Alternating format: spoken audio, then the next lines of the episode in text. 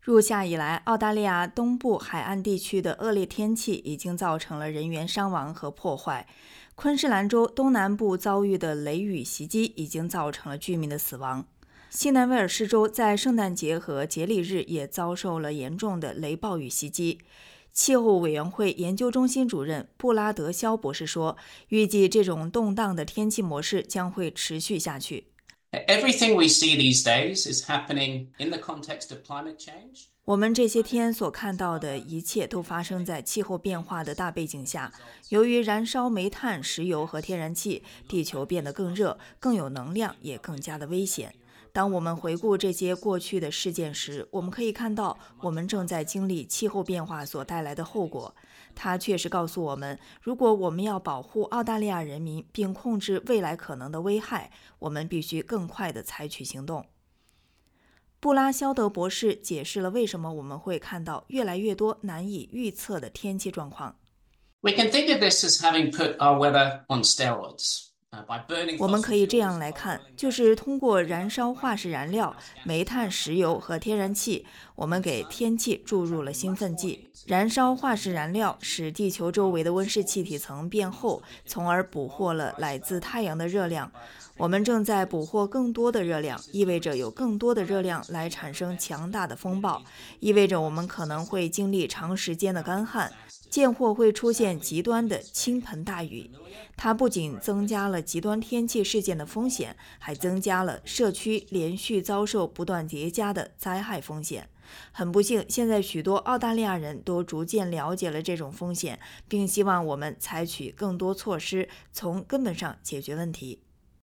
但正如抗灾和重建机构 Plan C 的首席执行官雷诺夫所解释的那样，社区为应对这种不断变化的气候做好准备也很重要。雷诺夫博士居住在利斯莫尔，这是西南威尔士州北部河流的一个社区。去年这里发生的毁灭性洪灾，至今还影响着当地人的生活。If you're not kind of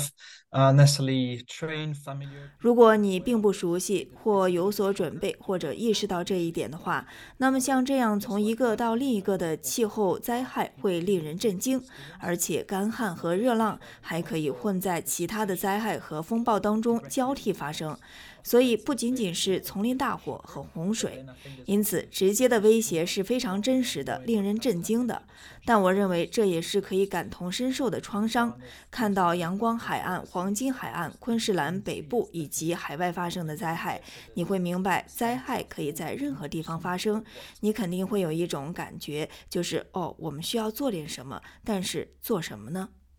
雷诺夫博士说：“洪水以及2020年的丛林大火证明，社区必须要以有组织和无组织的方式相互的支持。”雷诺夫博士与社区合作，帮助社区居民做好应对他们所面临风险的准备，并提供重要且实用的技能来管理灾害带来的此类风险。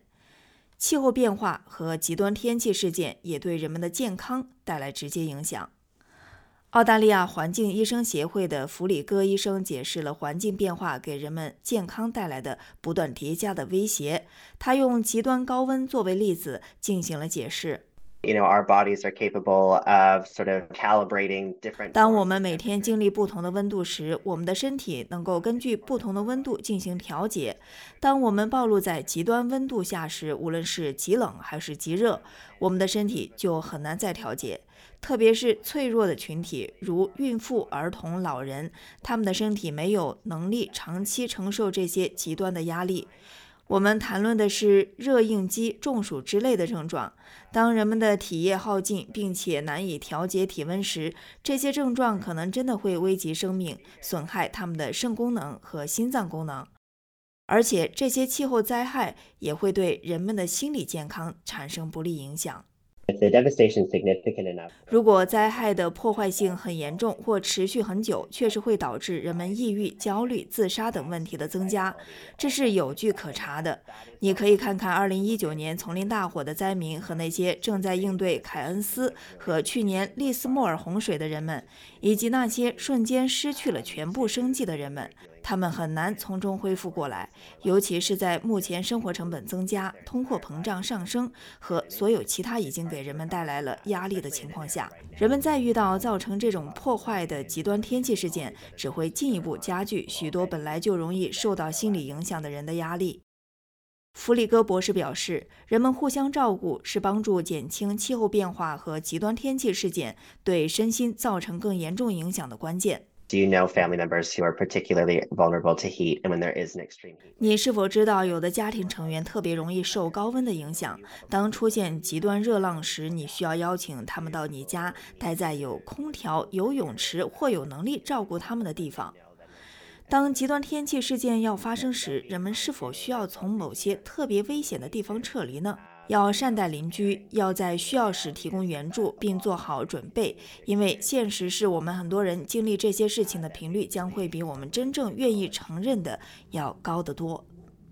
布拉德肖博士表示，我们还必须真正致力于减少碳排放。It's not too late. We are, of course, living with 现在还不算太晚，我们当然正在承受过去错误决定的后果，但我们仍然可以，而且必须做很多事情来限制未来的危害。这意味着在这十年内尽快减少我们的碳排放，这意味着倾听社区的声音，了解他们需要采取什么措施来保护自己免受日益极端的天气灾害的影响。这意味着在全球努力中发挥我们的作用，将气温上升限制在1.5度之内。我们能够做的有很多，而且我们现在做出的每一个明智决定都很重要，并将在更安全的未来得以体现。